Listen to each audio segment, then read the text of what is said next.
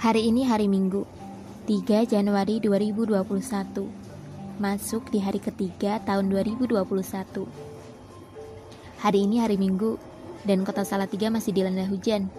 Gak tahu, rasanya gak bisa dijelaskan lewat kata-kata.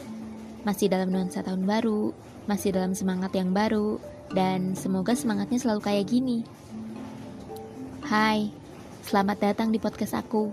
Selamat mendengarkan ocehan-ocehanku selanjutnya.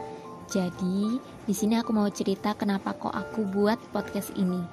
Jadi gini, alasan yang pertama, aku emang suka nulis, tulisan yang melankolis-melankolis gitu. Teman-temanku kalau baca bilangnya sih anak bucin. Hmm, gak tahu juga. Kayaknya sih iya.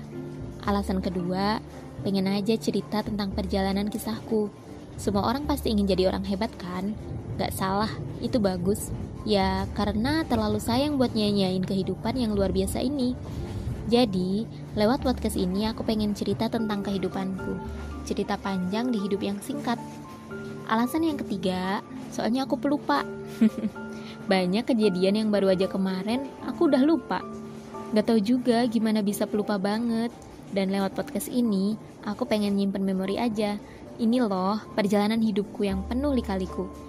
Jadinya kalau besok anak-anakku atau siapa pun pengen tahu cerita mudaku, ya cari aja podcast ini. Dengerin suaraku waktu muda, terus paham deh kisahku kayak gimana. Manusia yang masih labil dalam banyak hal. Ya, tapi gimana? Emang gitu manusia.